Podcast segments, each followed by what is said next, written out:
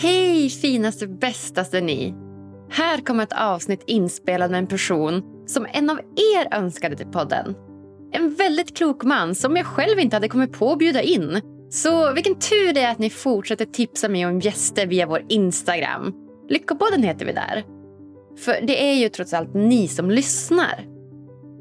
Agnes Sjöström heter jag, som vanligt. Och Jag vill tacka just dig för att du väljer att lyssna på den här podden. För det är faktiskt så klokt av dig att välja lycka och välmående i livet. Än en gång har jag möjligheten att stolt presentera det fantastiska relationsbaserade företaget Trading for Love som samarbetspartners till det här avsnittet. Det är en plattform som drivs av Beatrice Karinsdotter och som gästade podden i avsnitt 154. Beatrice hjälper individer eller par att träna på kärlek. Antingen var för sig eller tillsammans. För det är faktiskt inte alltid så himla lätt. Hon hjälper bland annat till med anknytningsfokuserad coachning.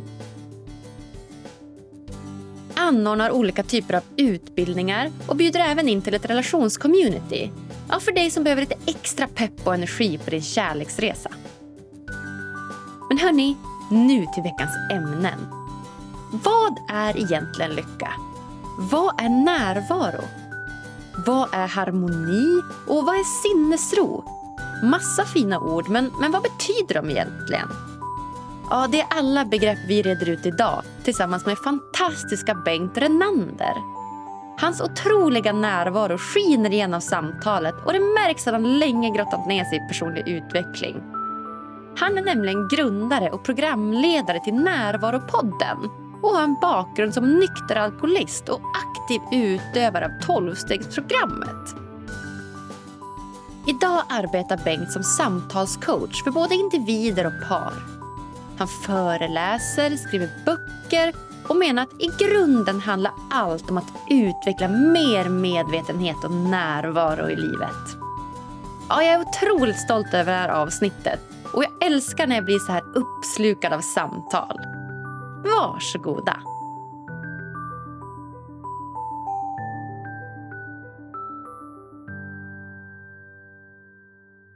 Varmt, varmt välkommen till Lyckopodden, poddkollegan och programledare för Närvaropodden, Bengt Renander. Tack! Wow, Bengt! Vilken ära det är att få prata med poddkollegor så här i podden. Det är så kul! Ja, härligt. Ja, men som sagt, som jag sa till dig innan här så var det faktiskt eh, lyssnarna som, eh, som tipsade mig om att bjuda in dig. Det är alltid, alltid bra tycker jag och eh, fråga lyssnarna vad de vill, vad de vill lyssna på för, för gäster. Och då, då sa de dig, så det måste ju kännas bra. Ja, jo, nej, men verkligen. Jag, jag är gärna med och sprider detta i så många kanaler som möjligt. För jag, och anledningen till det är väl egentligen att det jag pratar om är saker som jag själv har haft så mycket nytta av och som har så bety varit så betydelsefullt för mig att att få leva ett mycket ja, bättre och härligare liv och få vara handlingskraftig i verkligheten istället för att gå runt och vara destruktiv i en mardröm. Mm. Ja, vad fint! Hur, hur brukar du tänka när du bjuder in gäster till din podd? Jag tänker väldigt utifrån eh, mig faktiskt, vad, vad jag är intresserad av. Att, eh, att det här tycker jag, det här tycker jag är spännande. Och, och det jag tycker är spännande är ju områden som jag har då har jag, jag har tagit reda på lite saker. Jag har läst, läst och sådär. Så att jag vet lite grann om det mesta. Jag vet lite grann om det de flesta pratar om. Men de är ju experterna och jag är mer en amatör. Så att, men min, jag eftersträvar att ha ett samtal i, i, i, min podd mer än en intervju. Så ja, det jag tycker är kul och spännande, det, det, det är vad jag bjuder in. För då tror jag också det blir bra avsnitt. Mm. Ja, men jag håller helt med dig. Kul. Jag utgår också egentligen mycket från, från mig själv och jag tycker det är intressant. Men jag tycker också att det är kul att veta vad, vad lyssnarna vill, vill lyssna på och liksom andras infallsvinklar och så. Så att, eh, ja, det är både och.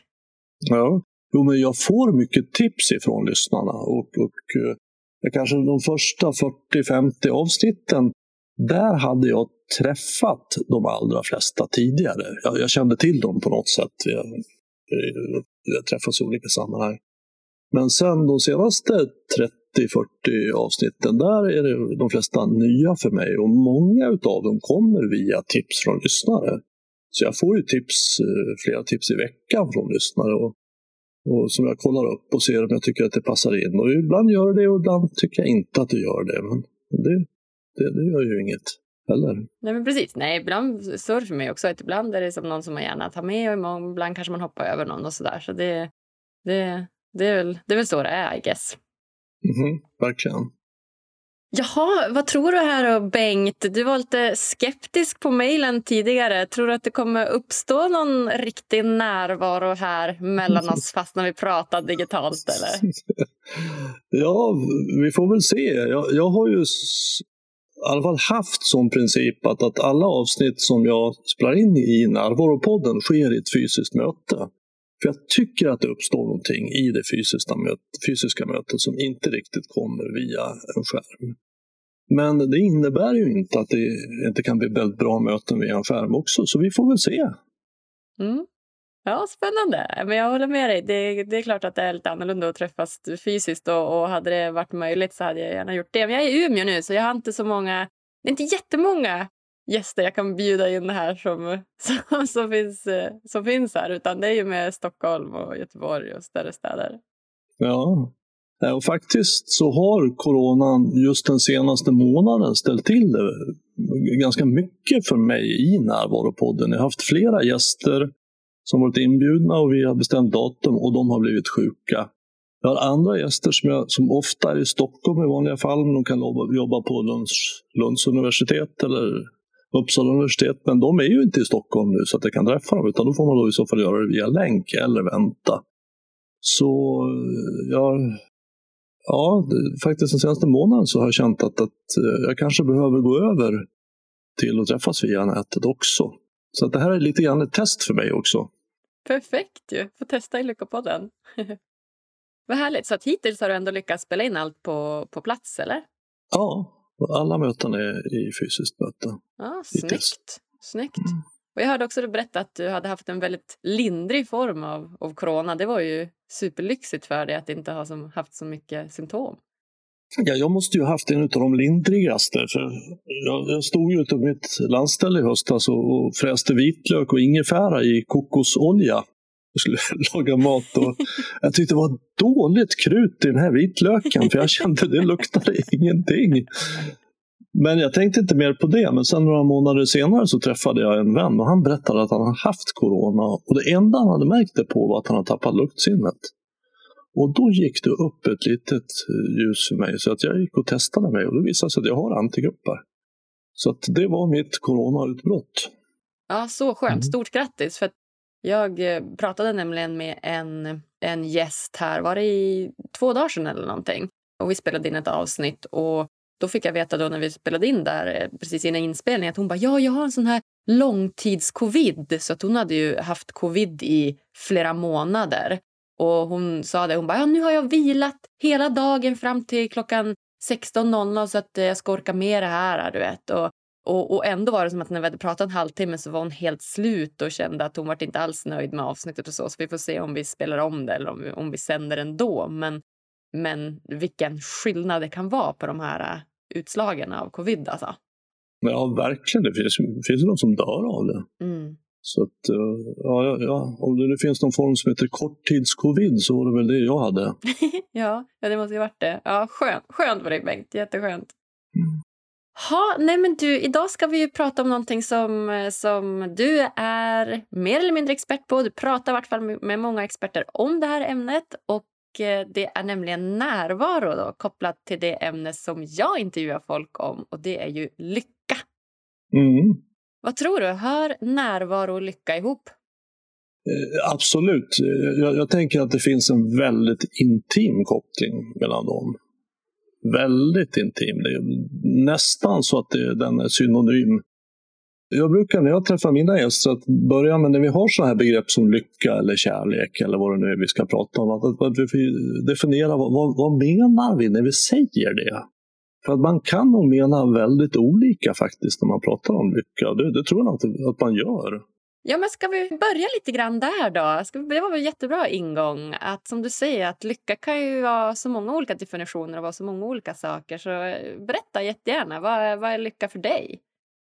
Ja, och det är en viktig, alltså vad lycka för mig. Jag har ju inte någon objektiv definition av lycka, men, men jag vet vad jag menar när jag pratar om lycka. Och ett sätt att se lycka, det är ju att, att lycka är motsatsen till olycka. Och, och det är fullständigt rimligt. Och det finns de som säger att man kan inte vara lycklig hela tiden. Och, och eftersom om man är lycklig hela tiden finns ju ingen olycka och då finns ingen motsats. Och, eh, och det är ju alldeles riktigt. Så att lycka kan ju vara ett ja, någon sorts euforisk lycka, glädje, man skrattar och liksom är helt fantastiskt. Och den lyckan tror jag blir svår att ha hela tiden. Men jag är nog inte så mycket primärt ute efter den lyckan. Den kan komma och då, då välkomnar jag den och så försvinner den och, och då får det vara okej okay också. Utan kanske ett ord som jag tycker mer intressant är harmoni. Spännande. Ja, och med harmoni, för vi har ju, lever i två domäner kan man säga. Det som är utanför mig och det som är i mig. Och eh, lycka eller harmoni, det upplever vi ofta då när det, ut, när det är utanför mig som jag vill att det ska vara. Alltså, jag fick den här lägenheten, jag gifte mig med den här personen som jag ville gifta mig med. Jag fick det här jobbet. Och vi har en väldig tendens att, att, att söka lyckan utanför oss. Alltså att vi vill förändra så att det blir där ute som jag vill här inne. Men det är ett väldigt um, osäkert sätt eftersom det som händer där ute har jag oerhört liten kontroll över. Världen är ju inte som jag vill utan den är som den är. Så att om jag söker lyckan så utanför mig så kommer jag att ha ganska korta stunder av lycka. Och, och, den, och den kommer att försvinna ganska fort. Mm. Och ganska mycket olycka också eftersom att som du säger, vi kan inte påverka saker så någon blir påkörd, vi förlorar något jobb, vi snubblar på gatan och så vidare. Ja, absolut, får covid. Får covid, exakt, ja. verkligen. Så, så att eh, så det jag arbetar med huvudsakligen är ju då hur jag tar det snarare än hur jag har det. Mm. Så kan jag hitta förhållningssätt till det som är och säga att det, det är okej, okay, det som är. Så uppstår det då en harmoni mellan hur jag har det och hur jag tar det. Alltså jag kan vara med det som är och I det finns en form av lycka. Och den formen av lycka skulle jag då vilja kalla för harmoni. För det som är i mig, min inre förväntan, är i harmoni med verkligheten där ute. Och det är ett tillstånd jag faktiskt kan vara i hela tiden. Om nu mitt inre är rörligt, så att jag kan säga okej okay till det som sker, även om jag får sparken eller blir lämnad. Wow, vilken jättebra definition. Det var helt ny, nytt perspektiv här i Lyckopodden på Lycka Bengt. Tack för det. Ja, det, det är ett sätt att tänka på det. Ja. Som gör att det blir faktiskt möjligt att vara i harmoni. Men det finns någonting väldigt viktigt som jag också vill understryka i detta. Jag läste en, en, en kritisk artikel om mindfulness i Svenska Dagbladet här för inte så länge sedan som menar då att, att den här mindfulness-eran, det handlar ju då om, om acceptans. Att man då blir en sorts viljelös robot som, som, som inte gör någonting. För jag säger okej, okay, jag har fått sparken, okej, okay. jag blir illa behandlad på jobbet, okej, okay. jag blir misshandlad av min partner, okej. Men, men att jag accepterar någonting, det innebär inte att jag inte kan förändra det. Jag menar ju att, att det är på sätt och vis sinnessjukt att inte acceptera det som är eftersom det redan är. Att argumentera mot verkligheten är ju väldigt galet. Att jag säger okej okay till det som är innebär ju inte att jag inte kan förändra det. Jag har en liten favorithistoria jag brukar berätta som handlar om eh, att om du tänker att, att du, du vaknar upp och är ja, du ska iväg till ett viktigt möte, du är sen, så, så, du har bråttom. Du springer fram till ett kylskåp och rycker upp kylskåpsdörren och splash! Så åker en liter mjölk ner i golvet och exploderar på golvet. Och, och, och det här var ju inte vad du ville skulle hända. Och det normala är ju då för egot att bli arg på verkligheten. Fan, liksom, ja, just nu, typiskt. Och du kanske går till din partner och säger hur har du ställt den i dörren? Du ska ju ställa den i kylskåpet. och varför fan? händer det här bara mig? Det här händer ja, bara mig. Verkligen. Och, och sen kommer du iväg till det mötet och vet du hela dagen du förstörde i morse. Det är faktiskt det normala sättet att agera. Det, det tycker egot är ansvarsfullt. Det, jag ville ju inte att det skulle hända. Det är ju för jävligt. så ska det inte vara. Och vad innebär då det synsätt som jag pläderar för? Jo, jag vaknar sent fortfarande, springer iväg till kylskåpet, rycker upp dörren, mjölken i golvet. Men där är då den stora skillnaden. V vad, vad säger jag då? Jo, okej. Okay. Och då finns det två viktiga saker att komma ihåg här. Den ena är att jag säger inte okej okay för att jag ville att det skulle hända. Det var inte så att när jag sprang fram till kylskåpet att jag tänkte att det skulle vara mysigt om det hände något speciellt den här morgonen. Eller lite roligt, för det är så vardagligt och trist där på morgnarna. Okej, det var det. Det är inte därför jag säger det. Utan jag säger okej för att den är där. Och, och jag undrar om inte det är ett av de viktigaste, kanske de viktigaste stegen som en människa kan ta. Nämligen att ge upp kampen emot verkligheten. Och då kommer vi till den viktiga frågan, men ska mjölken ligga där då? Nej, att jag säger okej okay till att den är där, det innebär inte att den behöver ligga kvar, utan jag kan ta en trasa och torka upp den. Så på ett sätt kan man se det här som ett sätt att hushålla med sin energi. Vad gör jag av med min energi? Och om vi säger att, att du har 100 energienheter att göra av med på en dag, så är det väldigt många som gör av med 90 av de energienheterna på att vara emot det som är. Och det är att slösa bort dem, för det är redan så. Mm. Vi kan ju inte göra något åt det. När jag säger okej okay till det som är, så frigör jag alla hundra energienheter till att vara handlingskraftig i verkligheten och göra någonting. Så att jag, jag torkar upp mjölken. Du säger Bengt, jag vill lämna dig, jag har träffat en annan. Okej, okay. så vad kan jag göra med det? Hur kan jag interagera med verkligheten på ett konstruktivt sätt? Är det här lätt? Nej, det är inte lätt. Men det är väldigt värdefullt. Och, och det är möjligt, det är inte så att man antingen gör det alltid eller inte alls, utan vi kan träna på att säga okej okay till det som är. Vad kan jag göra med det här? Okej, okay, vad kan jag göra med det här? Okej, okay, vad kan jag göra med det här? Mm, verkligen. Skulle du då efterlikna den här harmonin som du eftersträvar med någon slags inre lycka? Kan man säga att de är synonymer? Alltså, vad som sker då med det förhållningssättet är att jag så fort som möjligt sätter mig i harmoni med det som är. Och, och, och det, harmoni skapar en form av lugn. Mjölken är på golvet, okej. Okay. Jag är inte emot det. Kan jag göra någonting åt det här? Ja, det kan jag faktiskt. Jag kan torka upp den och så gör jag det. Och sen vrider jag ur trasan så går jag till jobbet. Är det en slags inre lycka för dig? Ja, det, det, skulle jag säga, att, att det är en form av lycka som jag kallar för harmoni, som kan vara beständig. Ja, vad fint! Det är möjligt att förhålla sig så i alla situationer. Ja. Det är inte lätt. Det är inte lätt. Och livet har en förmåga också att kasta fram saker som säger vad säger du om det här då? Kan du säga okej okay till det här? Just det, exakt. Testa oss lite grann där i livets spel. Vad fint! Ja, för som, som du säger, vi, vi människor är ju födda allihopa med ett ganska stort ego. Och jag tänker att den, den vill väl också på jag, något sätt... Jag tror inte vi är födda med ett ego, om jag bara får avbryta det. Vi är inte right. födda med ett ego. Utan vi är födda helt och hållet som oss ja, själva.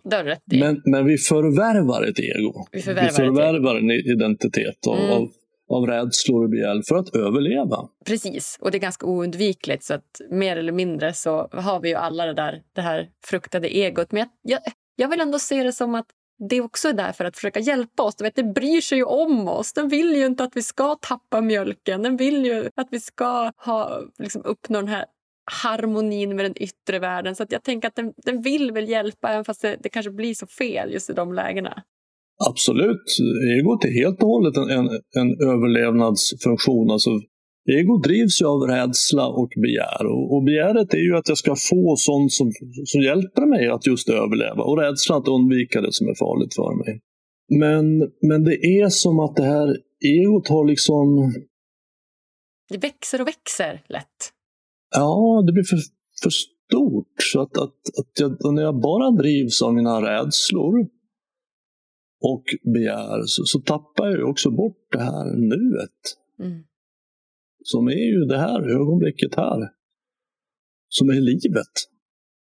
Jag har ett citat i min senaste bok som ju heter Stoppa tankarnas terrorism som, som, som, jag, som jag älskar och det säger Enjoy this moment. Because this moment is your life. Och när jag då går i begär så längtar jag ut i framtiden. Bara jag fått det där, bara det här har hänt, bara jag träffat någon, bara jag fått barn, bara barnen börjar förskolan, bara de börjar skolan, bara, bara jag har skilt mig från den här karln. Så, bara sen kommer, jag vill det här sen. Och rädsla för att, bara inte det här, tänk om det här händer.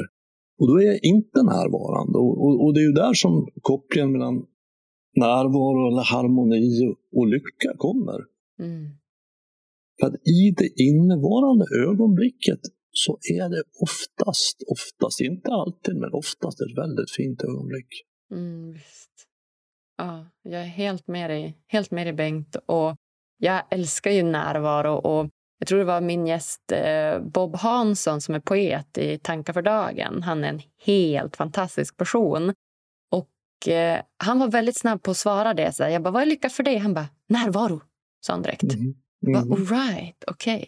Kan, du inte, kan du inte berätta lite grann om närvaro? Om du ska definiera det, vad, vad är närvaro? Ja, eh, jag har ju, har ju definitioner på, på de flesta av de ord eller begrepp som jag pratar om för att hjälpa mig att veta vad, vad menar jag när jag pratar om det. Och, och närvaro för mig är förmågan att ha min uppmärksamhet i det innevarande ögonblicket. All right. Alltså det är en förmåga, så det är någonting som jag kan utveckla. Och det är förmågan att rikta uppmärksamheten mot det innevarande ögonblicket. Och det är inte lätt, för att jag har historier och berättelser i huvudet som, som påkallar min uppmärksamhet. Men nu måste du tänka om det inte kommer att gå bra här på bröllopet, att det blir regn och hagelskurar. Tänk om min bil inte klarar besiktningen. Tänk om jag får sparken. Och det är väl dramatiska berättelser, eller berättelser som har hänt i det förflutna. Kom ihåg när på skolgården när jag gick i mellanstadiet. De kastade snöboll på mig och mobbade mig. Och De här historierna är ju väldigt dramatiska. Det är som att ha en hög med VHS-filmer. Jag vet inte om du är tillräckligt gammal för att komma ihåg VHS-filmer. DVD-filmer eller filmer överhuvudtaget i huvudet som påkallar uppmärksamhet. Titta på oss, titta på oss. Och att då kunna rikta uppmärksamheten hit istället. Här. Och, och se vad händer här nu? Och uppleva det. Att uppleva det som händer nu istället för att tänka om det. Oh, wow. Det är närvaro. Det är verkligen närvaro. Mm. Berätta, hur, hur gör du för att, eh, för att försöka hamna i, i total närvaro? Ja, för först så tror jag att, att det kan vara bra att, att, att veta att att när jag är närvarande så är inte jag mer närvarande än vad du är när du är närvarande. Eller när ett litet barn är närvarande. Utan för mig, återigen, det finns så mycket uppfattningar och tankar om det här, men för mig så är närvaro närvaro. Så när jag är närvarande så är jag närvarande och det är du också. Så vad som sker med tiden är ju att man blir närvarande fler timmar om dagen. I början kanske fler minuter. När jag började var jag kanske närvarande i två sekunder. Och, och, Vad man kan göra är då att träna upp sin förmåga att rikta uppmärksamheten mot det innevarande ögonblicket. Vi kan kalla det innevarande ögonblicket för upplevelsevärlden. För det går inte att uppleva någonting någon annan gång än nu. Vi kan inte se någonting som hände för tio sekunder sedan eller känna doften av någonting som kommer om en minut. Utan eh, när vi går till upplevelsen så kan vi bara uppleva saker som händer nu. Så det är en värld vi kan ha vår uppmärksamhet i. Och Den andra världen är tankevärlden och som är dramatisk och drar upplevelsen. Den utger sig för att vara intressant, nödvändig, viktig. Den måste tänka på det här. Så att många av oss går ju med uppmärksamheten i tankevärlden jämt. Vilket gör att det är fullt möjligt att må väldigt dåligt fast man har det bra. Alltså man kan ju vara på, på någon fin sommarfest med eh, allt är bara vackert väder och det är kanelbullar och gott kaffe och barn som leker. Och... Men man ser att det är en person, han sitter där och ser väldigt bekymrad över. Bekymrad och, och så går man fram. Hur, hur är det med dig? frågar man. Ja, det, det är jättedåligt. jättedåligt. Jaha, var, varför då? då? Ja, jag, jag kanske får restskatt nästa år. Det, var han, det, var, det, var som, det, där, det, det är där han har sin uppmärksamhet. Så han upplever inte det som är här nu. Så vad kan vi göra? Jo, vi kan träna upp vår förmåga att rikta uppmärksamheten mot det innevarande ögonblicket. Och, och den träningen heter ju meditation.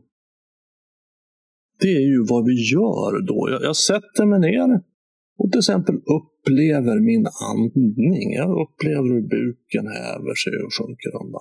Och sen kommer en tanke då om att jag ska vara med i Lyckopodden imorgon och vad vi ska prata om. Jag måste...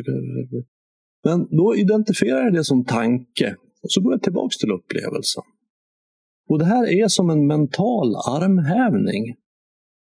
Så att, att man, ett sätt att se det är att jag har då en, en närvaromuskel som jag tränar upp med hjälp av meditation. Mm. Och så jag går från tankevärlden till upplevelsen. Så här kommer en annan tanke som, tycker att, som säger att jag är jätteintressant. Eh, tänk på skilsmässan för tre år sedan. Jag måste, vi måste tänka igenom det här en gång. Jag har tänkt på det för 450 år. Ja, men en gång till. Men sen då tillbaks till upplevelsevärlden. Och om jag gör det då, säg att jag sätter mig och mediterar i tio minuter. Var sjätte sekund så kommer en tanke. Men istället för att gå in i tankevärlden så går jag tillbaks till upplevelsevärlden. Upplever, kommer tanke. Då har jag, om det händer på sjätte sekund så har jag på tio minuter hundra gånger upptäckt att jag är i tankevärlden och riktat uppmärksamheten mot upplevelsevärlden. Och det stärker mig. Varje gång jag gör det så stärker det min närvaromuskel. Och gör jag det här då varje dag i en månad så, så kommer man att känna att, att kanske, kanske jag känner mig lite mer harmonisk. Ja. Så det du gör då är att egentligen, när du får den här tanken då var sjätte sekund så observerar du den och så, och så då tänker du att ja, just det, det var en tanke och så försöker du rikta tillbaka uppmärksamheten på, är det andningen då du riktar tillbaka uppmärksamheten eller på upplevelsen? Vilken upplevelse är det du försöker rikta tillbaka den på? Det kan ju egentligen vara vilken upplevelse som helst. Det kan ju vara att det kliar i foten eller att eh, bältet sitter lite för hårt runt magen. Eller att, att eh... Men andningen är ju tacksamt. Det kan ju också vara på ett ljud som jag hör. Eller på... Där kan, man kan fokusera på hur det känns i näshåren när man andas in och andas ut. Hur de rör sig som sädesfält där i vinden. Så det spelar egentligen ingen roll vad det är för upplevelse. Men andningen är ju väldigt tacksam eftersom den rör sig och vi kan förnimma den. Hade det varit möjligt att känna hur levern renar blodet så hade man kunnat sitta och fokusera på det. Men det, det, går ju inte att medvetet uppleva det. Det sker ju automatiskt. Så att andningen är ju bra. Ja, ja den är bra, bra. fokus. Ja. Hur, ofta, hur ofta mediterar du och hur länge mediterar du? Jag gör det varje dag. Man kan väl säga att det finns två, det finns massor av former av meditation, men ett är ju att jag sätter mig ner och mediterar. Det är det jag gör. Det är ungefär som att gå på gym. Då går jag på gym och, och, och, och fokuserar på att träna de musklerna. Men sen finns det också en meditation man, man gör i vardagen. Och det är att jag riktar min uppmärksamhet hit mot upplevelsevärlden. Nu här så går jag till dig. Hej, här är vi. Och, det, det är också träning på samma sätt som om jag går upp för trappen hemma. Jag ska ändå gå upp för trappen, men det är också träning även om jag har liksom en, det är en mer en, en integrerad del av min vardag. Och det, det, finns alltid ett nu att komma till. Alltid. Mm, Så jag kan alltid göra den här träningen. Komma hit, vad händer här nu? Hur känns det här nu? Vad upplever jag nu här? Och och det är, när vi kommer till nuet, när vi kommer till närvaro, så kommer vi väldigt ofta till en plats av stillhet. Sinnesro, visdom, kreativitet. Alltså okej, okay, vad ska jag göra med det här? Det är ju en kreativ inställning. Vi kommer till kärlek. Här, när vi är närvarande, så kommer vi i kontakt med kärleken. Det finns här hela tiden, men vi har så fullt upp att leta efter den. Så vi kan inte uppleva den. Vi letar efter den utanför oss i framtiden och där finns den inte. Den finns här nu. Och här finns också humor. Alltså jag, jag kan skratta åt mig själv. Jag, jag får självdistans. Gud, vad jag håller på? Sitter jag och funderar på restskatten här. När, när vi, det finns, finns så underbara kanelbullar om man gillar sådana. Ja, så himla vackert. Så himla vackert, Bengt. Och jag, jag, jag känner mig supernärvarande här när jag sitter och pratar med dig om närvaro. Det, jag älskar ju också den känslan när man är i närvaro med, med en annan person eller sig själv, men också med, mm. med andra människor. Det, det är vackert, tycker jag. Ja, det är det. Det, det är smittsamt. Närvaro är smittsamt, men alternativet då, egodrama kallar jag alternativet, alltså när man är i tankevärlden, för där blir det väldigt ofta drama, det är också smittsamt. Så, så om, om, man har en relation där den ena är inne i sitt drama och den andra är närvarande så är det frågan vem smittar vem först? Och det, erfarenheten säger att egodrama är mer giftigt, det smittar starkare. Men kan jag vara kvar i närvaro, vara kvar, vara kvar, vara kvar, så kommer så småningom den som är egodramat också komma in. Men gud vad jag håller på! Tack för att du inte gick igång här. Utan jag är ledsen att, det, att jag sa de här grejerna. Jag, jag, jag tappade bort mig själv. För det är precis det som har skett. För att i min värld så, så är ju den jag är, när jag är helt närvarande, då är jag också helt mig själv. Den jag sant är. Och när jag går in i tankedrama så blir jag ofta rädd och det drar bort mig ifrån mig själv. Jag tappar bort mig själv säger saker och gör saker som jag tycker, vad är det här? Mm, verkligen. Ja, jag håller helt med. Och, och jag gillar det här ordet som du nämnde. Det har jag börjat um, utforska med på slutet. Det ordet som du nämnde, sinnesro. Det tycker jag är så vackert. Mm, mm, verkligen. Har du någon uh, härlig definition på det? Ja, alltså sinnesro skulle jag säga är en synonym till harmoni. Eller en synonym till frid. Frid, harmoni, sinnesro, det, är för mig syskon. Det finns lite skillnader i, i mening, men när man säger ordet sinnesro så är det ju svårt att hoppa över sinnesrobönen. Den har du säkert haft med i ditt program många gånger, eller inte? Eller också inte det? Nej, sinnesrobönen. Nej, det är mer ett ord som jag har som jag uppmärksammat på slutet som vissa har, har sagt. Men vad är, vad är sinnesrobönen? Ja, men då ska du få en fantastisk gåva här. Det är en, det är en bön som, som inte är skapad av tolvstegsprogrammen men som är väldigt vanligt förekommande i tolvstegsprogram. Alltså typ AA eh, och sånt? Eller? Ja, precis. Aha. Den typen. Att, för att man har insett att, att mycket av, av, av, missbruk handlar om att jag står inte ut med mitt eget drama. Alltså, som tankarna genererar. Det är ett enormt tankedrama. Så att eh, som handlar väldigt mycket om att förändra det här som är utanför mig, som vi pratade om tidigare. Så att sinnesrobönen låter så här. Jag ber om sinnesro att acceptera det jag inte kan förändra. Mod att förändra det jag kan och förstånd att inse skillnaden. Ah, vad fint! Och det tycker jag då på tre rader är en väldigt bra instruktion till hur kan jag leva ett liv i harmoni. Mm. Alltså acceptera det jag inte kan förändra, mjölken är på golvet. Kan jag förändra det? Ja, det kan jag faktiskt. Det, det kräver mod, att, i det fallet inte speciellt mycket mod. Men jag kan förändra det, så då gör jag det. Men eh, idag är det åska och hagel och vi ska ha eh, bröllopsfest ute i trädgården. Jag kan inte förändra det, får jag acceptera det. Så att det är en väldigt bra sätt att komma till harmoni. Och, men alla tre rader är ju viktiga. Alltså. Sinnet för att acceptera det jag inte kan förändra och veta vad är det för någonting? Mod att förändra det jag kan, vad är det för någonting? Jo, jag behöver använda mitt förstånd för att kunna se skillnaden. Så att förstånd är en väldigt viktig nyckel. Förnuft, förstånd. För när vi går in i reaktiva draman så blir vi ju inte kloka. Vi tappar vårt förstånd, blir barn. Ja, verkligen. Har du, eh, har du varit med i något sånt tolvstegsprogram? Ja, det har jag. Jag är en nykter alkoholist. Att jag har, mm. har gjort det.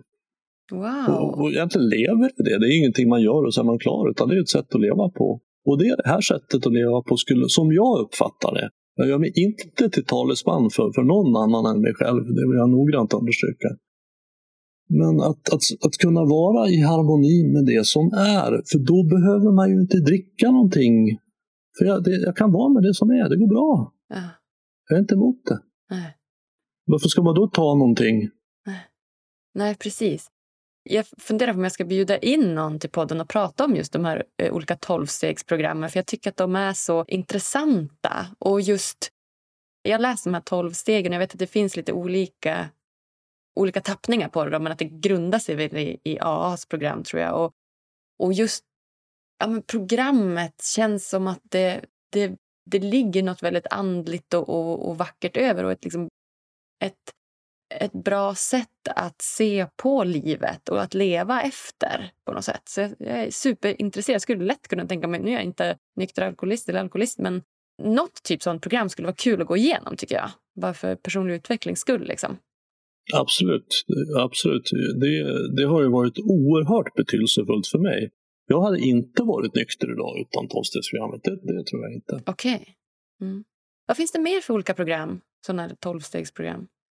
I USA så finns det över 250 olika tolvstegsprogram. Det är i grunden samma program. Det är ja. samma tolvsteg, men det är då anpassat till om man är eh, narkoman eller spelmissbrukare, sexmissbrukare, mat, socker, eh, arbete, träning. Alltså allting som går att bruka går ju att missbruka. Så det finns till och med ett tolvstegsprogram för de som har fastnat i tolvstegsprogrammet. jag vet inte om det är sant, men jag, jag har hört det i alla fall. Det är ganska roligt. Så att allt som går att bruka går att missbruka. Ja. Oh, wow.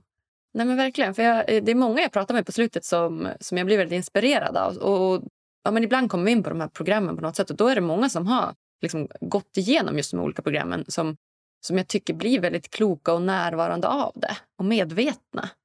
Absolut. Mm. Ja, skitcoolt, verkligen. Ja, Bengt, jag är jättenärvarande just nu känner jag. Så eh, jag är helt eh, inne i vårt, i vårt samtal. Jag tänker att vi ska gå lite vidare. För att något som jag undrar över och som jag också tror lyssnarna undrar över är ju om du har några sådana där riktigt bra tips för hur du blir riktigt närvarande. För mig då är ju närvaro en förmåga Alltså det är på precis samma sätt som förmågan att spela eh, gitarr eller spela golf eller eh, kunna prata grekiska. Eller, och, och, och, för att tillägna sig en förmåga så behöver man ju träna upp den. Och hur tränar man förmågan att, att spela gitarr? Jo, man spelar gitarr. Eller man, man pratar grek, grekiska eller man eh, ute på golfbanan och slår en massa slag. Nu kan jag vare sig spela gitarr, spela golf eller prata grekiska. Men, men det, är, det är ju så med allting som vi vill bli bättre på. Vi behöver öva. Och så är det också med närvaro. Det är inget speciellt med närvaro i, i den bemärkelsen. Så att det finns liksom inga quick fix. Bengt, kan du ge mig en quick fix för att, att spela, kunna spela gitarr? Nej, alltså spela gitarr. Och, och, och vägen till närvaro för mig är ju då meditation. Och, och ett väldigt viktigt steg är ju det som jag pratade om tidigare, att ge upp kampen emot verkligheten. Alltså det som är. Att jag inte lägger energin på att vara emot det som är, utan se hur kan jag förändra det som är? Hur kan jag vara konstruktiv i förhållande till det som är? Det är en del. Och sen är det ju då faktiskt att meditera. Så att eh, och det finns inte riktigt några större genvägar där på samma sätt som om du vill få bättre kondis. Du behöver ut och träna någonting. Det spelar väl kanske ingen större roll om du tränar simning eller löpning eller basket eller, eller vad det är. Utan eh, alltså vilken meditationsform du väljer. Det finns ju många olika meditationsformer. Men, men att göra det.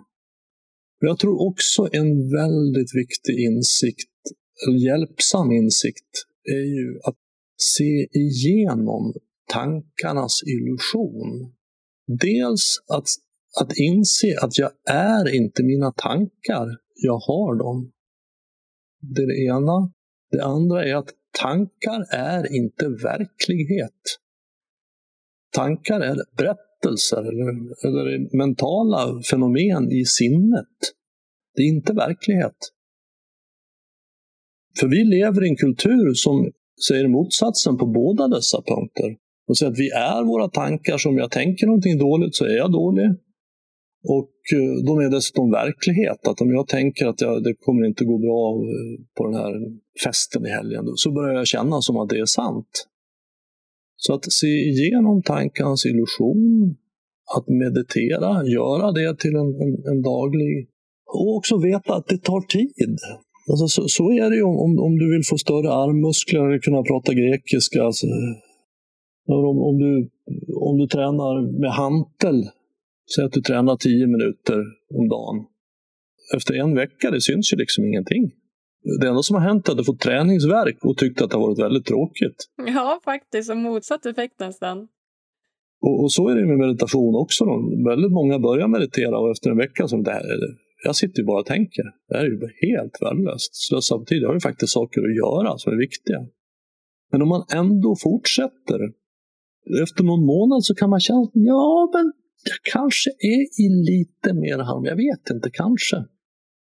Och, och fortsätter du med hantlar i tre månader, så efter tre månader så kan du stå för jo, men, nej, men jag tycker nog att det syns någon skillnad här på mina armmuskler. Och och efter sex månader så kommer kanske din kompis att du, har du börjat med hantlar?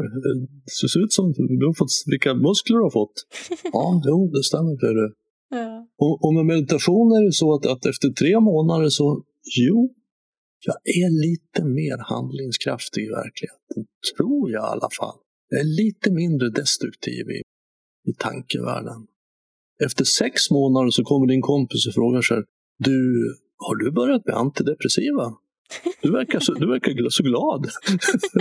nej, nej, nej, jag, jag mediterar. För att vi mediterar ju inte för att bli bra på att meditera, vi mediterar för att bli bra på att leva. Och, och det är det vi blir bra på när vi blir närvarande. Vi blir levnadskonstnärer.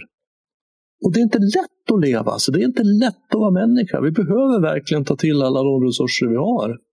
Och, och, och använder vi oss inte av dem, ja, då, då hamnar vi väldigt lätt i missbruk, depression, utbrändhet och kan det finnas många andra orsaker till det. Men, men, men det är ju oerhört vanligt idag.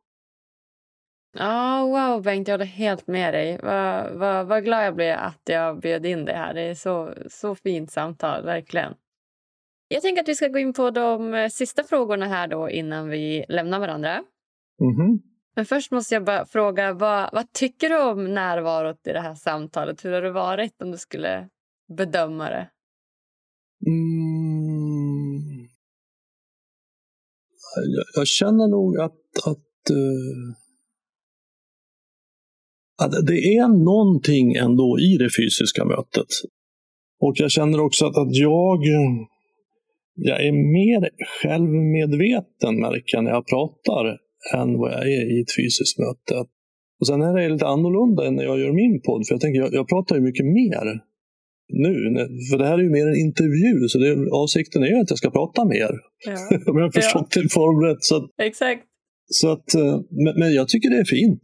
Det, det, det är så, som många samtal, att vi går in i närvaro. Vi har ju stunder som är väldigt fina och sen, sen går vi ur, jag börjar tänka efter, jag börjar dra mig till minnes och så här. Så där, och så kommer jag tillbaks. Just det. Vad, vad tycker du? Jag tycker det var ett jättefint samtal. Jag tycker det var väldigt, väldigt närvarande. Och det blir lätt att man vill liksom jämföra. Jag tycker det här var ett, ett av de mer närvarande samtalen, tycker jag. Jag tycker du var, var superhärlig och jag börjar nästan se upp till det ännu lite mer när jag hör att du har gått något tolvstegsprogram. För jag tycker de är, är coola. Jag har precis eh, hört om dem. Och ja, men, dra öronen åt mig lite extra när jag hör folk som har varit med i det. För jag tycker att det finns mycket visdom att hämta där. Mhm. Ha, Bengt, vad, eh, vad gör dig riktigt lycklig då? Med risk för att vara kanske lite tråkig, men det är ju just lycklig blir jag ju när jag är ett med det jag gör. Och, och det är man ju ofta då med saker som man tycker om. Alltså det som blir ens hobbys, det är sånt som man tycker om att göra. Och det, man tycker om att göra det för att man blir lycklig och man blir lycklig för att man är, är närvarande när man gör det. Och sånt vi inte tycker om, det är sånt som vi har väldigt svårt att, att vara närvarande i. Utan vi tycker det är tråkigt och tankarna flyr iväg hela tiden. Så jag har ju två barnbarn och när jag är med dem och leker med dem, det, alltså då somnar jag alltid med ett stort leende på, på, på läpparna. De är ju så, det är så fantastiskt att få vara med barn Mm. och, och leka. För leka är ju verkligen ett uttryck för närvaro. Jag ska göra ett avsnitt om lek faktiskt. Jag skulle ha spelat in det igår, men han var en av de som blev covid-sjuka, han jag skulle prata med. Så att, att lek är ju att när man får leka, när vi får leka tillsammans, det kan vi, vi vuxna göra också, att vi ger oss ut och vi vet inte var det ska ta vägen. Utan vi undersöker nuet. Vad händer i dig? Vad händer i mig? Och, och där finns ju också lek som ett avslutning på ordet kärlek. Som ju också är en lek där vi ger oss ut i närvaro och undersöker vad händer när du och jag öppnar oss för varandra. Mm. Verkligen. Det är vackert. Kärlek. En av de bästa lekarna. Mhm, verkligen, Mm. verkligen. Mm. Och då menar jag inte alls bara den romantiska kärleken, den också, men, men kärleken. Det finns, för mig finns bara en kärlek och det är kärleken. Sen kan vi lägga till attraktion till det, sexuell attraktion, och då har vi inte den mer traditionella kärleksrelationen. Men, men kärlek är kärlek, det är det som händer när vi är närvarande tillsammans. Så, så det, det gör mig lycklig. Lek, kärlek och Nej, men jag, jag tycker om att spela, jag tycker om att laga mat, jag tycker om att spela keyboard, jag tycker om att spela dragspel. Jag gillar att hålla på på mitt landställe och spika och snickra. Och jag gillar möten. Träffa människor. Samtala. Jag älskar mitt arbete. Coach för både par och individer. Och, Mm. Mm. Okej. Du jobbar som coach alltså? Mhm. Det är det jag gör varje dag. Okej. Härligt, Bengt, va? Om eh, du fick ge lyssnarna en utmaning som eh, de kan göra varje dag för att bli lite lyckligare, vad skulle det vara då? Gissa! Meditera! ja! och, och, och om man inte har en meditationsrutin redan, så, ofta så gör ju egot att det, det ska vara så stort och det ska vara så märkvärdigt och krångligt. Man måste köpa appar och gå på kurser och allting sånt där. Men, men, men jag menar att du kan börja med att ta en minut om dagen. Så det, tidigare, det du tidigare har gjort på 24 timmar behöver du nu göra på 23 timmar och 59 minuter. Så, så att du frigör en minut om dagen till att sluta ögonen och bara uppleva din andning. En minut räcker. För, för den allra, allra bästa meditationen, det är den som blir av. Mm. Bra sagt. Och och en minut om dagen, det är en väldigt bra början. Sen kanske man känner att det här, ja, det här är, jag tycker om det här. Jag ska kanske utsträcka det till två minuter. Och, och sen är man väl kanske där, slutar där, det finns buddhistiska munkar som ägnar 10-12 timmar om dagen åt meditation. Okay. Jag har gjort det, jag har varit på Vipassana, då mediterar man 11 timmar om dagen. Ja, shit. Men, men där är ju inte, det är inte där man ska börja, utan närvaro är ett begrepp som, jag, som är viktigt för mig. Förmågan att rikta min uppmärksamhet mot det innevarande ögonblicket. Men medvetenhet är också ett väldigt viktigt begrepp som är kopplat till det. Och det är för mig förmågan att kunna skilja på tankar och verklighet. Alltså, den här känslan jag har nu, nu känner jag mig rädd till exempel, eller orolig. Var kommer det ifrån? Kommer det från någonting som händer här i? Finns det något farligt där? Nej, det gör det faktiskt inte. Kommer det från, ja, jag tänker ju på hur det ska gå här på studentfesten om någon kommer bli smittad på flaken. Som det går så. Aha, så det kommer från en tanke. Bra, då vet jag. Så det här utspelar sig i tankevärlden och det här utspelar sig i verkligheten. tankevärld verkligen. För vi blandar ihop det här så jädra lätt eftersom det känns likadant. Mm. Mm. Och om det känns likadant oavsett om stimulet kommer från en tanke, en film eller i verkligheten. Och att lära sig att se om kommer känslan från en film eller verkligheten, det är första steget mot medvetenhet. Det andra är att lära sig att också att se att det här kommer från tankar. Jag tänker saker som får mig att känna det här. Det är inte verklighet. Och sen då att nästa närvaro, att rikta min uppmärksamhet mot det som sker här nu. Wow. Ja, så himla spännande. Jättebra. Och jag känner också, jag har också en meditationsrutin då, som jag gör. Varje morgon så hamnar jag naturligt nu för tiden bara i, i en morgonmeditation och slår på min lilla meditationslista och tänder mitt ljus och, och dricker mitt citronvatten. Och det är ju, alltså det sätter ju en sån standard för hela dagen. Alltså det, mm. det, det hjälper mig verkligen att vara mer, mer närvarande hela dagen, tycker jag. Så att, eh, mm. jag håller med dig. Jag rekommenderar ju alla att en minuts meditation, börja där och sen eh, se vad de känner om det. Mm. Och, och, precis som du säger här, så för mig då som, som menar att, att jag är mig själv när jag är närvarande. Om jag då tar som du gör och, och kommer i kontakt med mig själv på morgonen. Så jag, jag landar där i mitt själv. Sen kan ju dagen vara ganska dramatisk med arbete och händelser så att jag, jag tappar bort mig själv där under dagen. Men om jag nästa morgon tar, kort, tar kontakt med mig själv så hinner jag inte så jädra långt bort. Nej. Jag är fortfarande i kvarteret någonstans. Ja. så kommer jag tillbaka till mig själv, tappar jag bort mig själv. Men jag är ändå någonstans som inte är så jädra långt bort. Men om jag inte tar kontakt med mig själv, då kan jag inte bara, bara byta kvarter utan hamna i en annan stadsdel, i en annan stad, i ett annat landskap, i ett annat land. Jag är så långt bort ifrån mig själv så att jag, jag hittar inte tillbaks. Nej. Nej. Så det är väldigt bra liksom att förankra sig. Här, nu, här är jag. Ah, bra, jag vet det. Nu kommer jag ihåg hur det är att vara mig själv. det här är ju jag. Ah, mm. Så bra. Ja, nej, är det något så slutligen som du känner att du vill dela med dig av till lyssnarna som du inte har fått säga än? Ja, det, det finns ju i, i drygt 80 avsnitt av Närvaropodden. Ja. och även i, i avsnitt som kommer så, så vill man veta mer om hur jag och, och, andra människor som också jobbar, för mina gäster är huvudsakligen människor som hjälper andra att, att komma till mer medvetenhet och närvaro inom olika områden. Just det. Ja. Så kan man lyssna på Närvaropodden. Det kan man göra. Mm.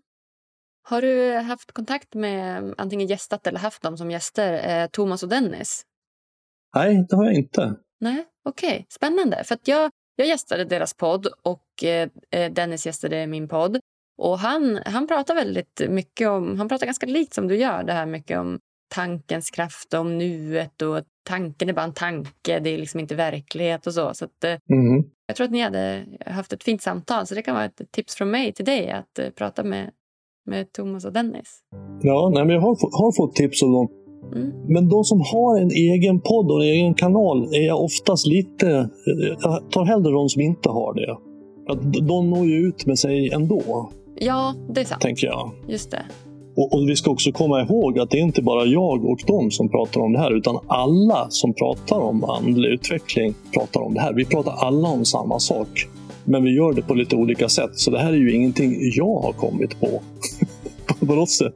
Det har betytt mycket för mig och då vill man gärna dela med sig av det. Och, och det gör jag på mitt sätt. Det är inte mina ingredienser, men det är, det är min soppa. Mm. Ja, exakt. Ja, jag, är, jag är så himla glad att du ville komma och gästa mig Bengt. Det känns verkligen som en ära att ha fått vara här i närvaro med dig i snart en timme. Så att, eh, jag säger bara tack, tack, tack snälla, snälla du för att du ville komma och gästa mig här på Lyckopodden. Tack för att jag fick vara med. Alltså wow! Jag bara älskar att prata med personer som är så närvarande som Bengt. Bästa, bästa! Och kära lyssnare, om ni tycker den här podden är lika bra som jag så önskar jag av hela mitt hjärta att ni går in på iTunes eller Podcaster och klickar i prenumerera-knappen och ger oss så många stjärnor som ni tycker är avsnitt förtjänar. Följ oss också på sociala medier och sprid avsnittet till alla ni känner. Vi hörs på tisdag igen. Puss och kram!